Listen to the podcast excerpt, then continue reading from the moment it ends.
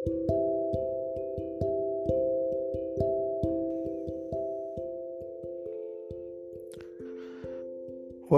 pagi ini Mazmur 30 ayat 3 Tuhan Allahku kepadamu aku berteriak minta tolong dan engkau telah menyembuhkan aku.